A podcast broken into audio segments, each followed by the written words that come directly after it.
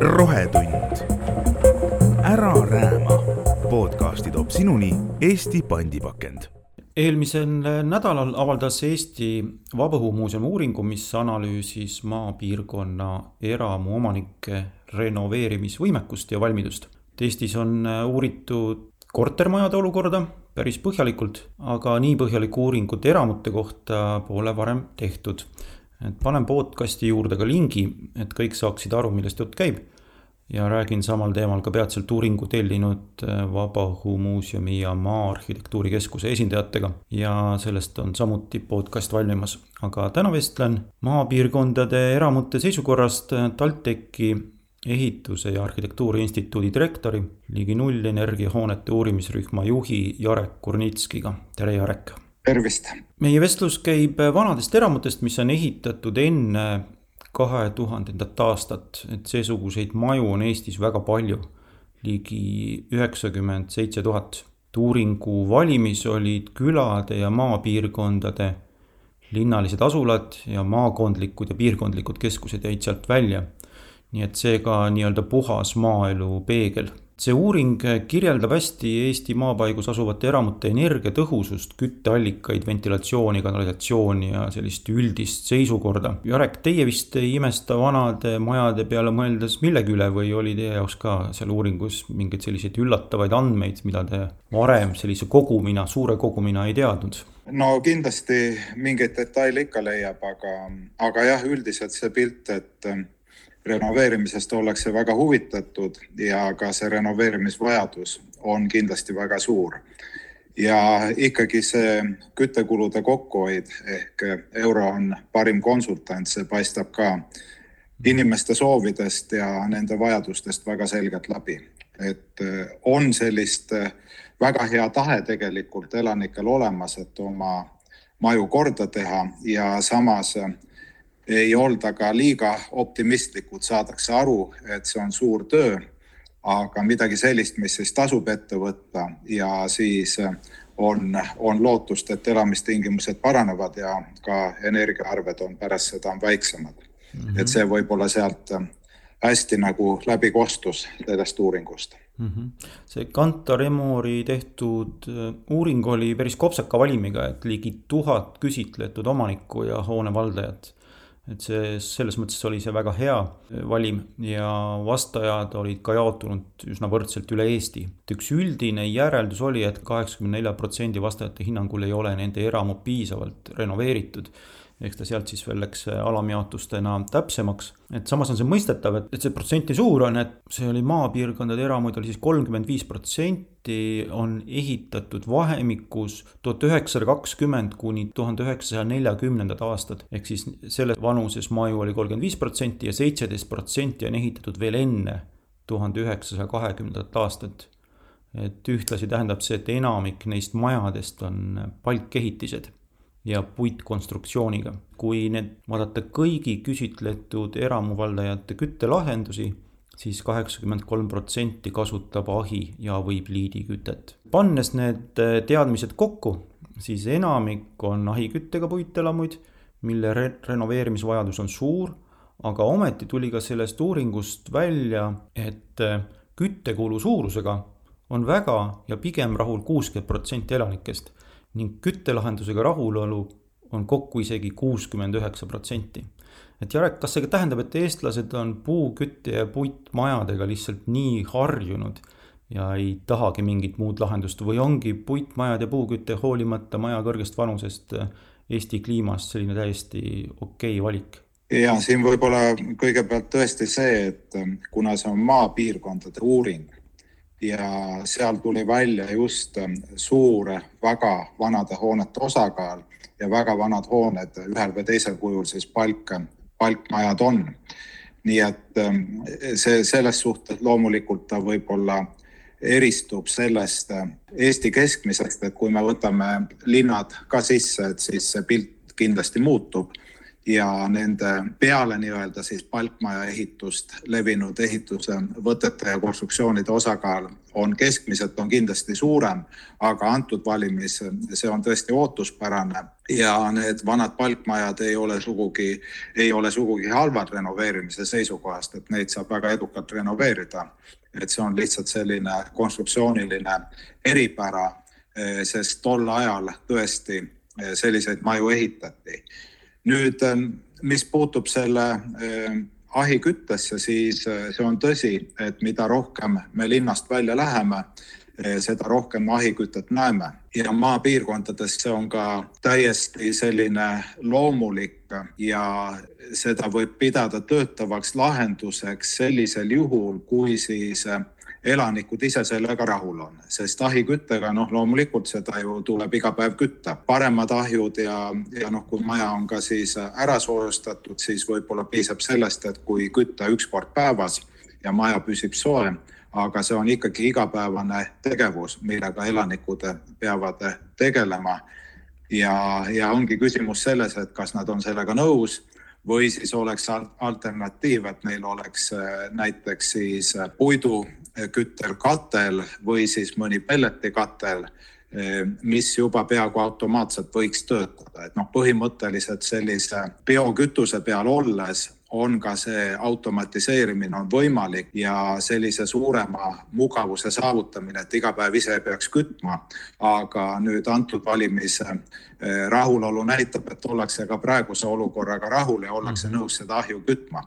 et eh, see on iseenesest nagu positiivne sest ahiküte on taastuv kütus ja see loomulikult aitab siis kaasa ka Eesti kliimaeesmärkide saavutamisele, et kui, kui puiduga ikka köetakse. noh, teades, et need Eesti eramud on umbes pooled on siis ehitatud enne tuhande üheksasaja viiekümnendat aastat ja need on peamiselt puidust, siis kas selliseid maju üldse maksab üle viia näiteks, ma ei tea, õhk-vesi soojuspumbale, et mis on praegu järjest selline plahvatuslikult leviv äh, küttesüsteem ja küttelahendus. kas see majale on okei okay,, puitmajale? ja ei, see, see, see puitmaja siin ei, ei erine oluliselt teistest majadest ja ma arvan ka, et tegelikult on meil ju niimoodi, et seoses selle riigikorraga siin Eesti areng ikkagi väga pidurdus peale teist maailmasõda ja peale teist maailmasõda viiekümnendatel, kuuekümnendatel, seitsmekümnendatel ehitatud majad ei ole sugugi paremad kui need vanad majad mm -hmm. soojapidavuse mõttes, kuna lihtsalt juhtus selline riigikord olema ja, ja selle, selle tõttu neid ähm, vanu maju saab renoveerida ja tuleb renoveerida. ma julgen ka seda arvata, et üleminek soojuspumpadele on teatud mõttes nagu paratamatus, sest ähm, inimesed ikkagi tahavad mugavust ja tahavad selliseid küttesüsteeme, kuhu siis kätt ei pea külge panema mm. -hmm. ja selle tõttu soojuspumpade kasutamine on väga loomulik variant aga selge, seda soojuspumpa on mõtet kasutada siis, kui seda, sellised vanad majad pigem terviklikult ära renoveeritakse, et see ei peaks olema võib-olla esimene ettevõetav asi, et loobume ahjudest ja paigaldame soojuspumba ja loodame, et selle abil kütame maja ära.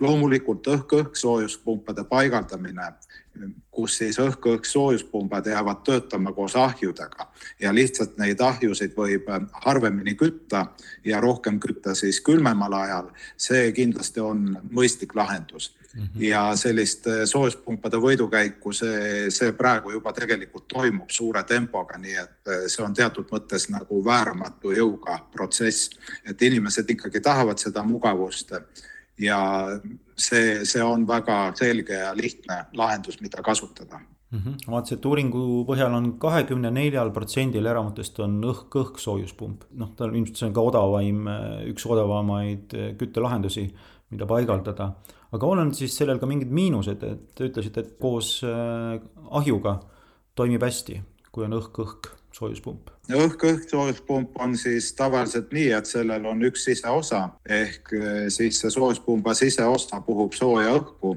ühte ruumi. kui see ruum on näiteks elutuba või kesksel kohal hoones, siis see soojus levib suhteliselt hästi laiali, aga kindlasti ühe õhksoojuspumbaga tervet maja ära ei küta mm. -hmm. nii et vähemalt äh, üks soojuspump ühele korrusele, teine teisele korrusele ja noh, võib-olla isegi rohkem paigaldada, et siis on võimalik suurem osa majast ära kütta ja tänu sellele, et see soojuse väljastamine on ühe siseosa kaudu, siis see soojus jaotub ka ebaühtlasemalt ja ruumide temperatuurid ei ole nii ühtlased, kui me moodsates hoonetes ootame.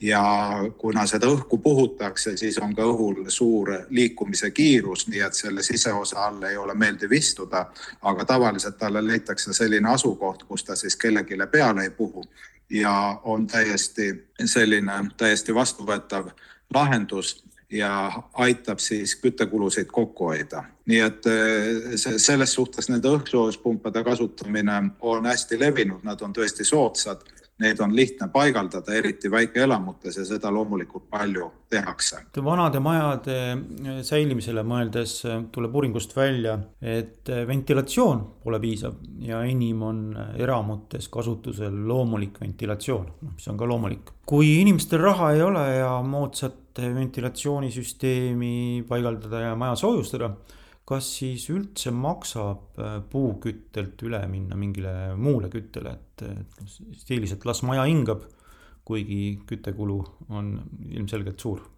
no siin on ikkagi äh, küsimus äh, sellest, et kuidas seda maja renoveeritakse ja, ja see kütmisviis ei ole siin tegelikult põhiline. põhiline on selles, et mis on välispiirete õhupidavus kas on pandud uued aknad, mis on väga-väga ähm, hea õhupidavusega või on veel vanad aknad kasutusel, äh, kust õhk iseenesest natukene vahetub. nii et kui maju soojustatakse, mida elanikud ka tihti teevad, nad ei pruugi tervet maja korraga soojustada, aga teevad seda jõukohaselt ja osade kaupa ja vahetavad välja näiteks aknad, siis me võime jõuda sellisesse punkti, et see soojustatud maja on juba väga hea õhupidavusega ja noh, loomulikult ega inimesed ju pööravad sellele tähelepanu ka, et kui maja puhub läbi, siis see jällegi tõstab küttekulusid ja see läbipuhumine tuleb välja just külma ilmaga ja tuulise ilmaga, nii et selle vastu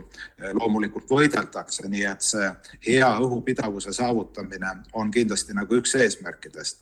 Aga nüüd, kui me oleme selle hea õhupidavuse saavutanud, siis meil on tõesti otsa lõppenud loomulik ventilatsioon, see mm, seda lihtsalt enam sellistes hoonetes ei ole ja see siis tähendab, et äh, tuleks paigaldada vähemalt väljatõmbeventilatsioon ja väljatõmbeventilatsiooni puhul on ka küsimus, et kus siis see õhk majja sisse tuleb. nii et äh, kui me teeme maja hästi õhupidavaks, ja siis hakkame neid välkõhuklappe paigaldama ehk hakkame seda õhupidavust ise ära rikkuma, et sealt tekib noh, loomulikult selline dilemma.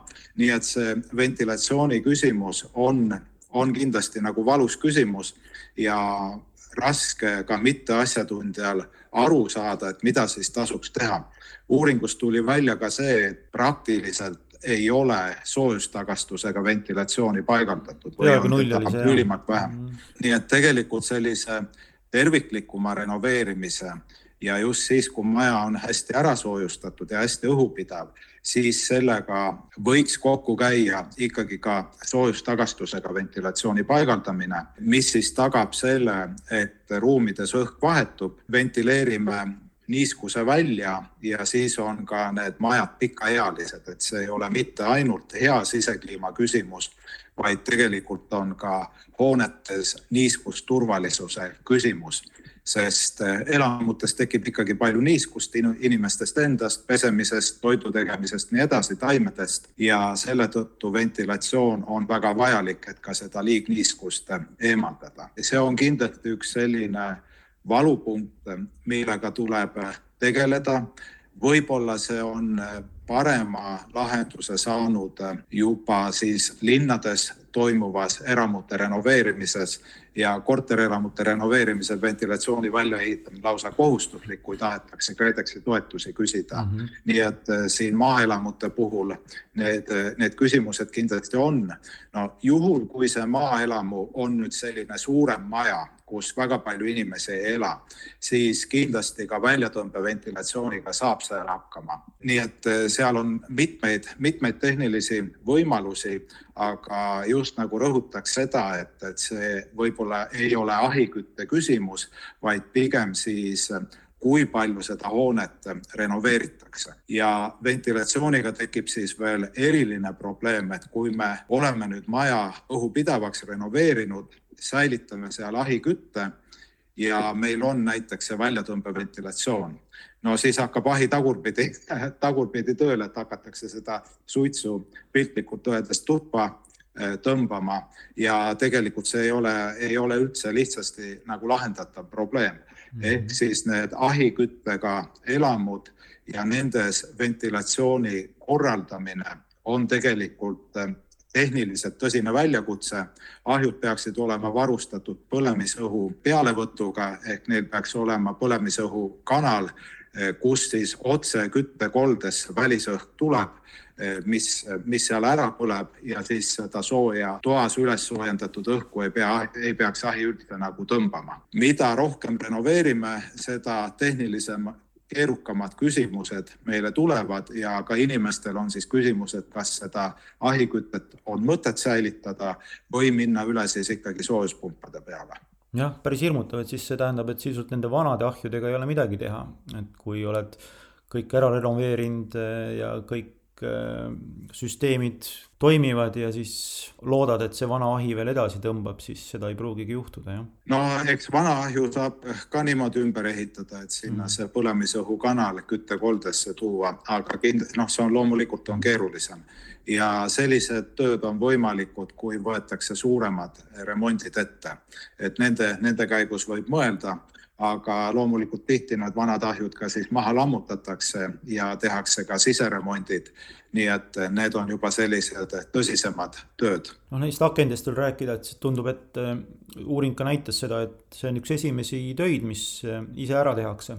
ehk siis vahetatakse aknad ära vanal majal, nagu ka siis uuringust jäi silma, et tundub, et siis paljudel saab raha otsa ja edasi ei tehtagi, et, et need ära vahetatud hermeetiliste akendega majad jäävad niimoodi võib-olla pikaks ajaks seisma, et muid töid ei tehtagi, et see siis tõenäoliselt ei tähenda ju majale sugugi head, kui loomulik ventilatsioon on, on üks, vähemalt üks neist loomulikest ventilatsioonidest ja nii-öelda kinni pandud. jah, see kindlasti õhuvahetus siis väheneb ja akende vahetuse puhul on ka see teema, et tuleks mõelda selle peale, et kas edaspidi tahetakse maja väljaspoolt soojustada. Ehk siis selle palkseina peale kõlbab väga hästi väljaspoole panna soojustust ja katta see näiteks laudisega või mingi muu fassaadikatte materjaliga. ja kui sellised mõtted elanikel on, et siis tegelikult on küsimus, et kuhu see aken paigaldada, mis välja vahetatakse. et õige on ikkagi aken paigaldada soojustuskihti nii mm., nii et seda peaks koos selle maja soojustamisega kavandama, et, et me ei teeks niimoodi, et vahetame aknad aknad välja ja siis järgmine aasta hakkame soojustama ja siis leiame, et meil on aknad vales kohas seal majas ja hakkame neid uuesti, uuesti siis äh, väljapoole tõstma. et, et loomulikult nende tööde kavandamises on omad väljakutsed ja võib-olla uuringust paistis välja tegelikult ka see elanike väga suur infonälg Mm -hmm. et nad, et kust nad leiavad infot, et kuidas siis oleks mõttekas renoveerida.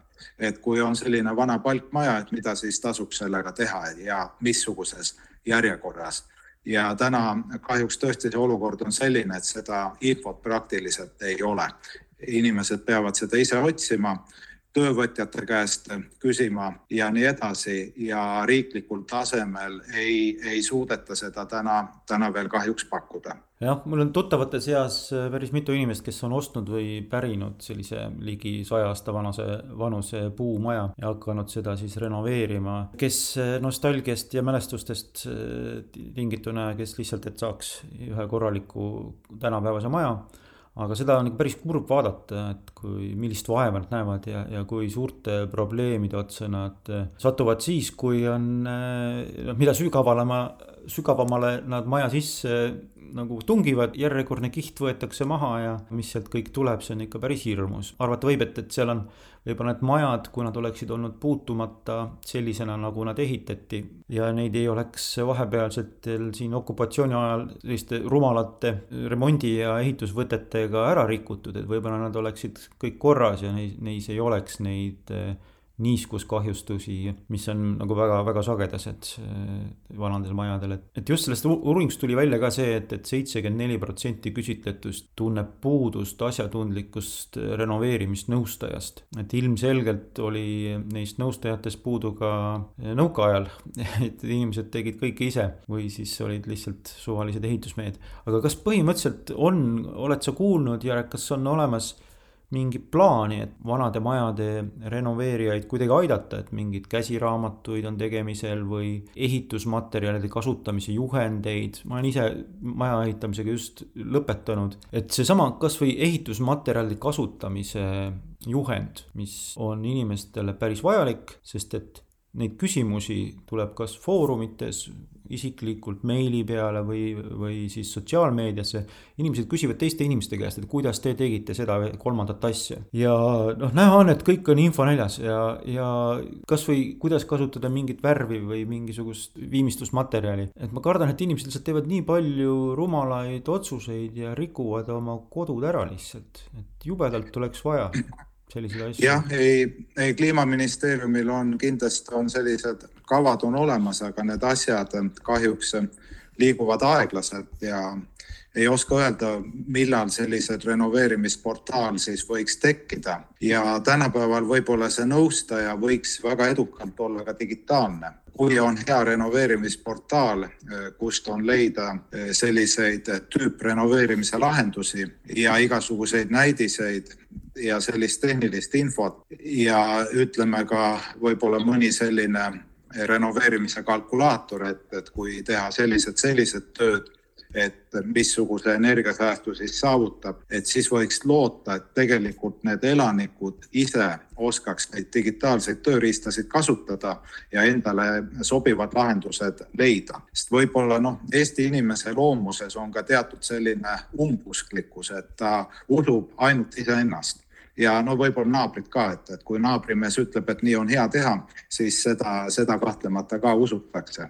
et inimesed tegelikult tahavad need lahendused ise leida, mis on nende jaoks kõige paremad ja selle jaoks äh, peakski olema sellised digitaalsed tööriistad ja materjalid olemas, et mis võiks selle probleemi lahendada ja võib-olla natukene pikemas perspektiivis see probleem on adresseeritud ka väga selgelt hoonete energiatõhususe direktiivis, mis kohustab riike renoveerimist toetama ja ka selliseid nõustamise ja infomaterjalide lahendusi pakkuma.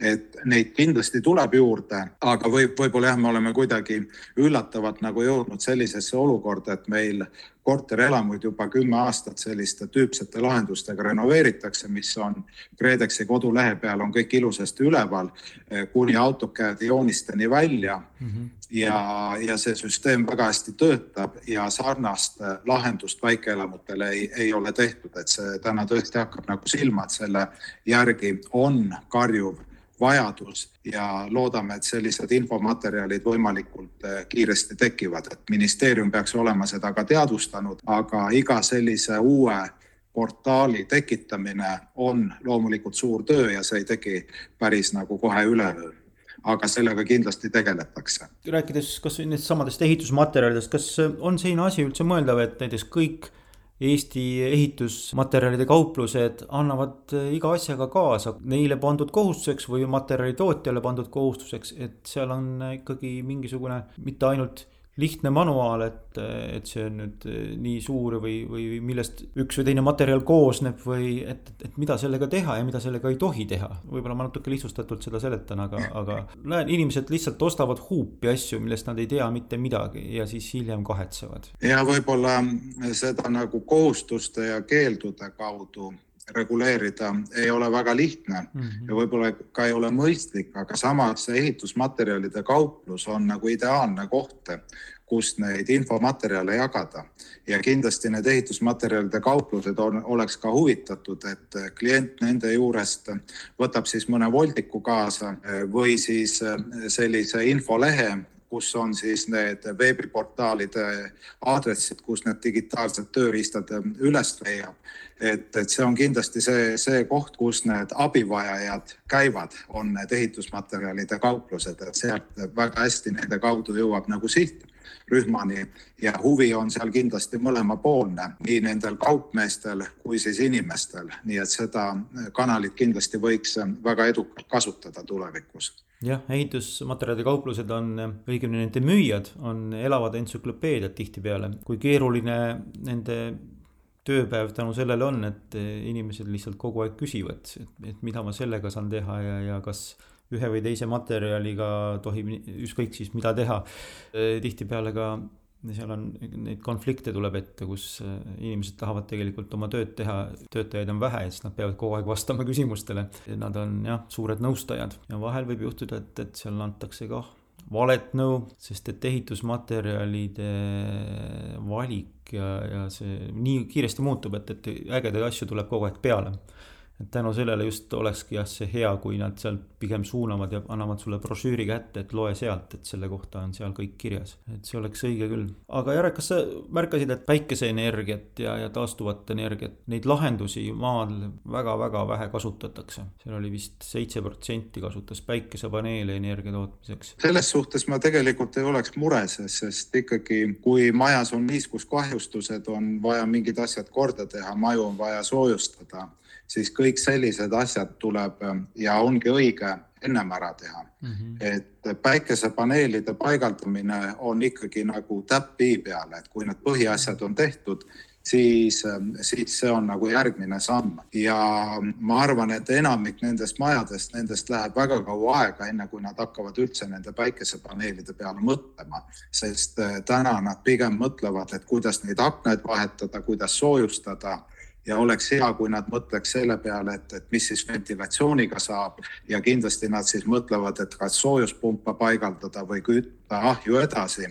nii et nendel on sellised palju nagu argisemad küsimused. kui me räägime siin nüüd taastuvenergia kasutamisest, siis ka ahiküte on taastuvenergeetika. Mm.. nii et ei saa öelda, et seda taastuvenergeetikat maapiirkondades ei ole, seda on tegelikult väga palju, kuna puiduga köetakse. Ja otsest vajadust päikesepaneele paigaldada, otsest vajadust tegelikult seal, seal ei ole.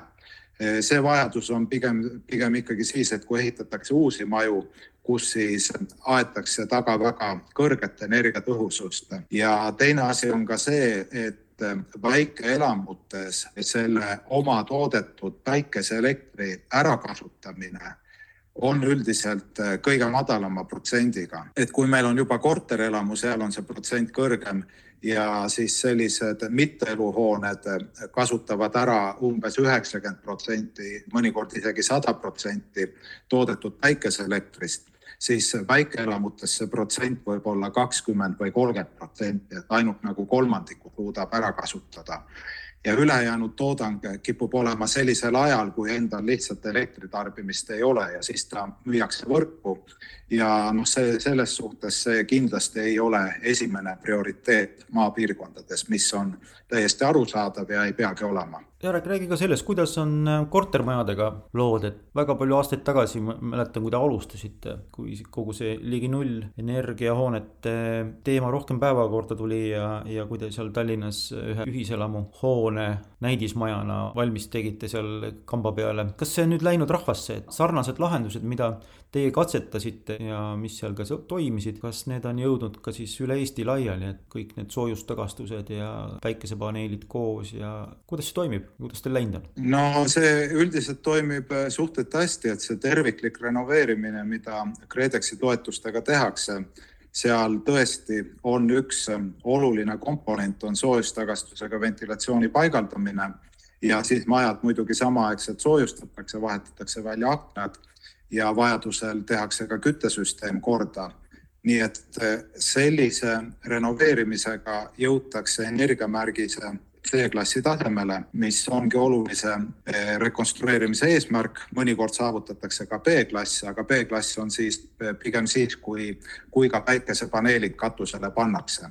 et ühesõnaga päikesepaneelide paigaldamine on abikõlbulik KredExi meetmetes, aga seda ei ole kuidagi nõutud eraldi mm. -hmm. nii et eh, see on selline tegevus, mida korteriühistud nüüd valdavas enamikus pigem tahavad paigaldada kui saab võrguga liituda, et ühesõnaga võimsust võrgus on, siis äh, need paneelid ka paigaldatakse ja loomulikult koos to toetusega on see väga tasuv tegevus. kui me nüüd vaatame nagu sellises laias pildis, et kui KredExi toetust kasutatakse, siis seda äh, tehakse üldiselt äh, sihtotstarbe kohaselt ja tulemused on väga head aga probleem on pigem siis selles, et neid toetusi on väga hüplikult saadaval. üks aasta on, teine aasta ei ole ja siin nagu see Eesti areng ei ole olnud selline, et, et noh, keegi ei ole osanud ette näha, et riik, riik seda niimoodi jagab, et üks aasta jagab, teine aasta ei jaga, sest noh, see ilmselgelt ei ole nagu hea majandamine. võib-olla teine küsimus siis veel, et kui see meie ühiselamu näiteks võtta, siis see on tehases toodetud elementidega renoveeritud. seda renoveerimisviisi on ka katsetatud ja selle põhiargument on olnud see, et kui meil on vaja suuri mahte renoveerida, siis oleks mõttekas hakata neid elemente tehases tootma.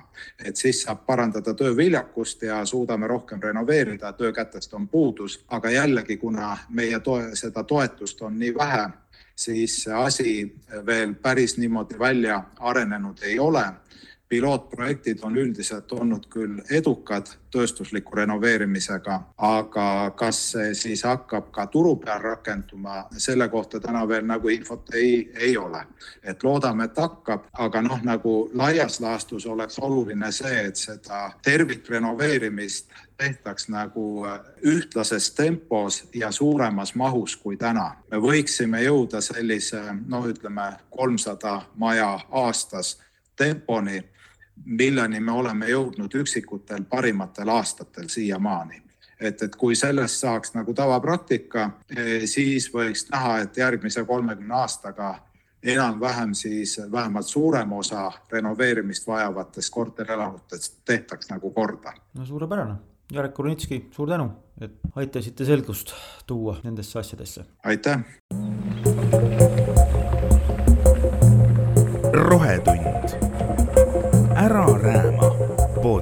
Toob sinuni Eesti pandipakend